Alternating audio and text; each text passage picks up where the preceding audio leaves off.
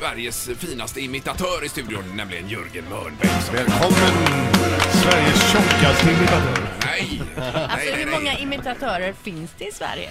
Ja, det vet jag inte. Det finns ju många människor som påstår att de imiterar och sådär. Men jag tänker som men har på det som heltid, yrke. ja. Det är inte så många. Det är Göran Gabrielsson, Bosse Parnevik, uh, Anders Mårtensson och jag och några till sådär. Men det är inte så många. Men du körde ju en grej i P4 eh, här som var eh, fantastisk eh, med, med många röster. Jaha, ja, när var det? Ja men det vet du väl? Vad heter det med, var det med Stefan Ja, Lind? ja, ja, ja, ja, förra veckan. Ja, ja. Ja, Jag kommer inte ihåg vad vi gjorde, men det var väl en massa gubbar. Christian Olsson på Radiosporten till exempel, som pratade väldigt ljus i rösten sådär. sådär. Lite alla Och möjliga. Lite alla möjliga. Ja, exakt. Ja, men det, vi är, Mikael, vi är väldigt skojiga jag också. För han är något slags världssamvete på något sätt. Sådär. Han talar om hur det är och ingen annan har tänkt på det. nej. Nej, Mikael Wiehe alltså. Men alltså vad för typ av förfrågningar på jobb får du? Det är ju företagsjobb man gör mycket också. Ja, Sen så har jag ju ett bra samarbete med To Entertain som gör då, vi sätter upp lite shower då ungefär var fjärde år. Så nu är det dags igen. Men jag Så tänker även reklam eller att göra inhopp på Nej. andra grejer. Och... Intressant att du säger så. Jag var med i Bingolotter för väldigt många- år sedan med Loket. Ja. Och då gjorde jag någon reklam för en bil här i stan. säga.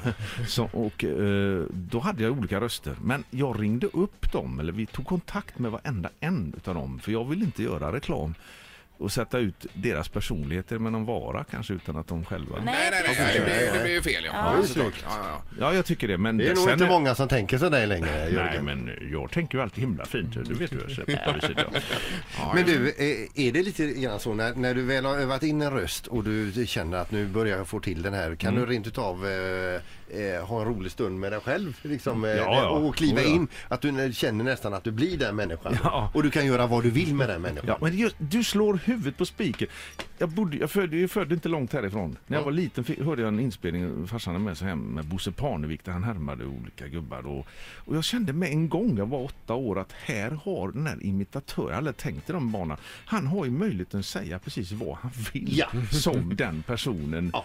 Och driva med den personen och då blir det ko- komik och kul och det tycker jag fortfarande är kul. Som det här med Mikael Wiehe, att jag kallar honom för världssamvete. Det skulle jag aldrig säga själv. Nej. Nej. Nej, nej, Nej, nej, men alltså man, man kan ju låta också, eh, man kan ju spela ut alla sina förutfattade meningar och fördomar i en, Ja. i en, i en människa. Ja. Va? Ja, men det är inte så när du lägger huvudet på kudden att du måste säga godnatt till allihopa så de är tysta.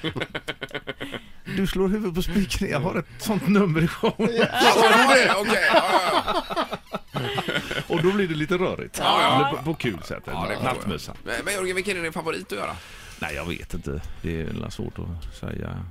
Jag vet inte. Folks favorit totalt sett är nog Glenn Hysén tror jag. Ja, det är det ja. Hur Jag ju- låter han då? Nej, men vi, vi, ja, ja, vi, jag är ju uppvuxen här borta och när jag var liten pratade jag på det viset. Han snackade sådär.